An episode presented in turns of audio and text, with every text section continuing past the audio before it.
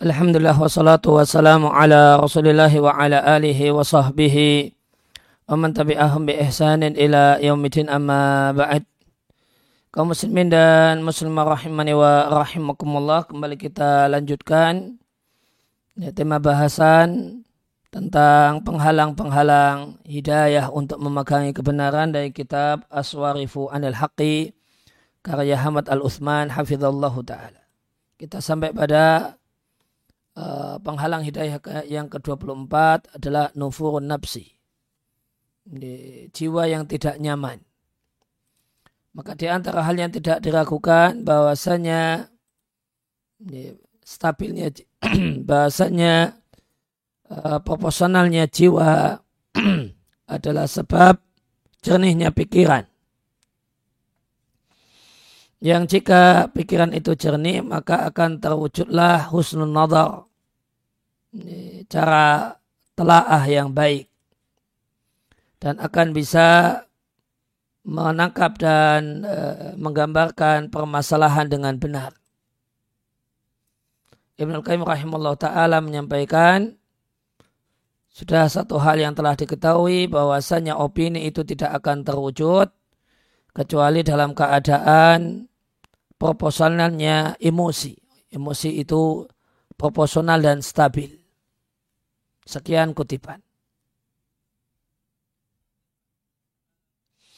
Maka jiwa manusia itu mengalami sejumlah penentangan yang mengeluarkannya dari batas proporsional.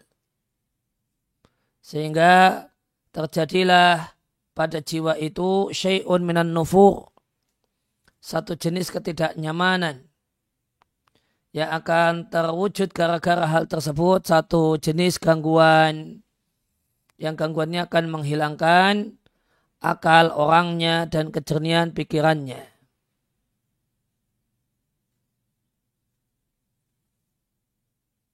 Maka jika terdapat, jika ilmu itu mendatangi seseorang atau masuk pada Eh, diri seseorang dalam kondisi semacam ini, fala syakka tidaklah diragukan. Bahasanya hal ini yaitu ketidaknyamanan jiwa sedang tidak tenang, emosi tidak stabil, tidaklah diragukan bahasanya hal ini kot yakunu sababan. Bisa menjadi sebab dijauhinya kebenaran dan eh, menolak kebenaran. Ibnu Akal rahimahullah ta'ala mengatakan, dan jika jiwa itu tidak nyaman, maka hati akan menjadi buta. Dan pikiran akan padam, dan tertutuplah pintu-pintu ilmu.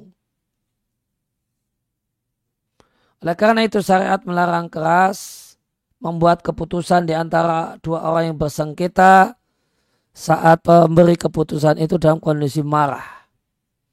Karena marah dan yang semana dengannya itu akan mengeluarkan orangnya dari batas proporsional.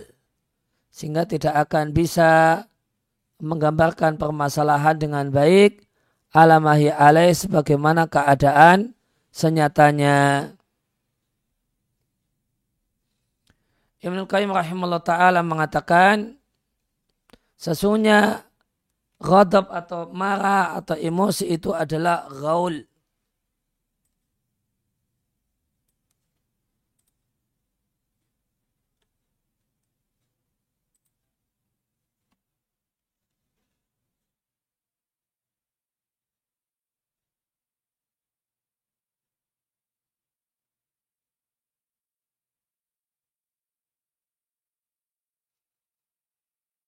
ya, penutup akal sebagaimana yaktaluhu akan menutupi akal sebagaimana khamar menutupi akal. Oleh karena itu Nabi Shallallahu Alaihi Wasallam melarang seorang kodi, seorang hakim memutuskan sengketa di antara dua orang yang berselisih ketika dia dalam keadaan sangat marah. Wal ghadab dan marah itu satu jenis uh, tertutupnya pikiran. Dan al-ighlaq itulah yang bisa menutup pintu husni tasawur. memahami permasalahan dengan baik dan menutup pintu baiknya niat. Maka marah itu emosi itu menyebabkan eh, pikiran itu terkunci sehingga tidak bisa memahami satu permasalahan dengan baik dan tidak dan tidak memiliki niat-niat yang baik. Oleh karena itu di antara doa Nabi Shallallahu Alaihi Wasallam adalah Ya Allah sebenarnya aku meminta kepadamu ya khasyataka fil ghaibi wa syahadah ya, rasa takut kepadamu ketika sendiri dan ketika ber, dilihat dan bersama banyak orang. Dan aku meminta kepadamu kalimat al-haqqi perkataan yang benar apa adanya saat marah dan saat senang. Ibnul Qayyim rahimahullah ta'ala eh, mengatakan tatkala mayoritas orang inama yatakallamu bil haqqi dalika khairu ahsanu takwila itulah yang lebih baik dan lebih bagus kesudahannya. Wakan dan adalah mereka saling berdebat dalam satu masalah, perdebatan musyawarah dan saling menasihati. Warupama dan boleh jadi eh, dia berbeda dengan uh, pembeda dia berbeda dengan ucapanmu dalam masalah uh, fi masalah ilmiah adalah masalah ilmiah atau masalah amaliyah itu masalah fikih Ma'baqa'il ulwah dengan tetap awetnya kesatuan wal ismah dan persatuan dan persaudaraan karena agama. Ya ringkasnya uh, hati itu akan masuk menerima dan bisa diajak berpikir kalau hatinya itu tenang dan happy. Kalau malas mikir, ya, karena tidak sholat malam, ya, maka tidak mendapatkan apa yang ada di sini. Ini pentingnya dikir ini.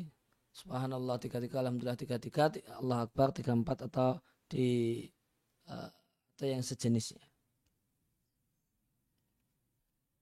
Ya, maka kalau jiwa itu lagi bete, lagi mager, lagi males, ya, tentu menceramainya tidak manfaat. Namun kalau dia sudah siap posisinya posisi orang belajar, menyimak, maka insya Allah uh, satu hal yang bermanfaat. Itu uh, penghalang hidayah yang ke-24, kemudian yang ke-25 insya Allah akan kita bacakan di pertemuan yang akan datang. Wassalamualaikum ala nabiyina وعلى آله وصحبه وسلم. وآخر دعوانا أن الحمد لله رب العالمين. سبحانك اللهم وبحمدك أشهد أن لا إله إلا أنت أستغفرك وأتوب إليك.